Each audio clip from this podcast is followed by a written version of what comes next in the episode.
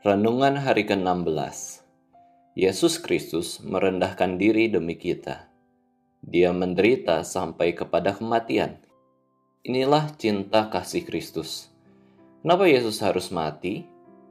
Karena untuk memuaskan keadilan dan murka Allah, tidak ada cara lain selain dengan kematian Yesus, Sang Anak Allah.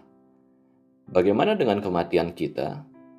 Kematian kita sebagai manusia berdosa adalah kematian karena dosa kita. Kematian karena hukuman dosa.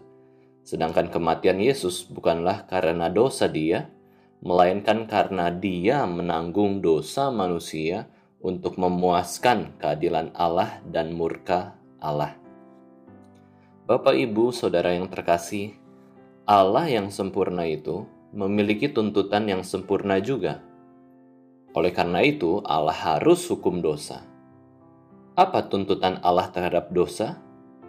Kematian atau maut. Ini sudah dinyatakan pada orang tua pertama umat manusia, yaitu Adam dan Hawa. Upah dosa adalah kematian.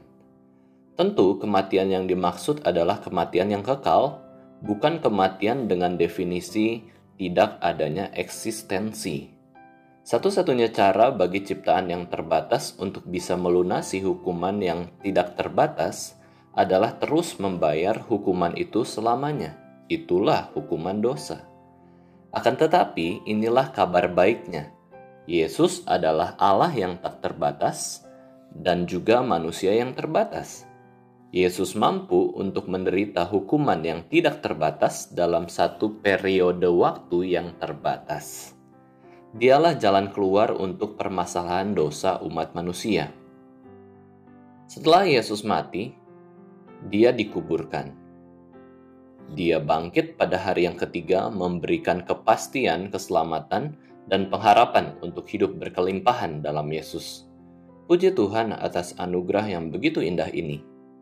Lalu, mungkin kita berpikir, jika keselamatan yang Yesus kerjakan sudah selesai, Kenapa kita sebagai manusia yang sudah percaya Yesus ini tetap mengalami kematian? Beberapa definisi tentang kematian yang dapat kita pelajari. Yang pertama adalah kematian itu keterpisahan antara tubuh dan jiwa. Kedua, kematian dalam pengertian yang dasar yaitu keterpisahan dari Allah dan segala berkat Allah. Dan yang ketiga, kematian akibat dosa adalah hukuman kekal di neraka. Kematian bagi orang Kristen memiliki makna yang lebih dalam. Di dalam menjalani proses keselamatan yang Yesus berikan, kita melangkah dari kematian kepada kehidupan.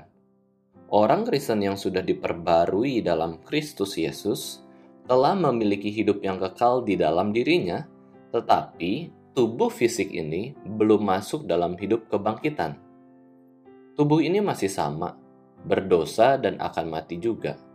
Ini pengaturan Allah yang menolong kita juga untuk bisa terus berelasi dengan masyarakat yang belum diselamatkan dalam Kristus. Bagi orang Kristen, kematian fisik adalah satu langkah lebih lanjut ke dalam kehidupan yang kekal. Setelah mati, maka fase terakhir adalah kita dibangkitkan di akhir zaman dengan tubuh kemuliaan dari Allah sendiri. Dengan memahami kematian dan kebangkitan Yesus ini, kita sadar bahwa diri kita yang sudah ditebus dengan darah Yesus yang begitu mahal, manusia lama kita itu disalibkan. Manusia lama itu dimatikan dan dikuburkan bersama dengan Kristus, dan kita bisa mempersembahkan diri kita kepada Kristus kita sudah dilepaskan dari hukuman neraka. Dengan penderitaan Yesus, kematiannya di atas kayu salib, kebangkitannya pada hari yang ketiga, karya keselamatan bagi umat yang berdosa ini sudah diselesaikan. Keadilan dan murka Allah dipuaskan secara penuh sehingga kita terluput dari hukuman. Yesus tidak membiarkan umatnya mengalami kengerian neraka. Tetapi Yesus mau memberikan umatnya sukacita surga.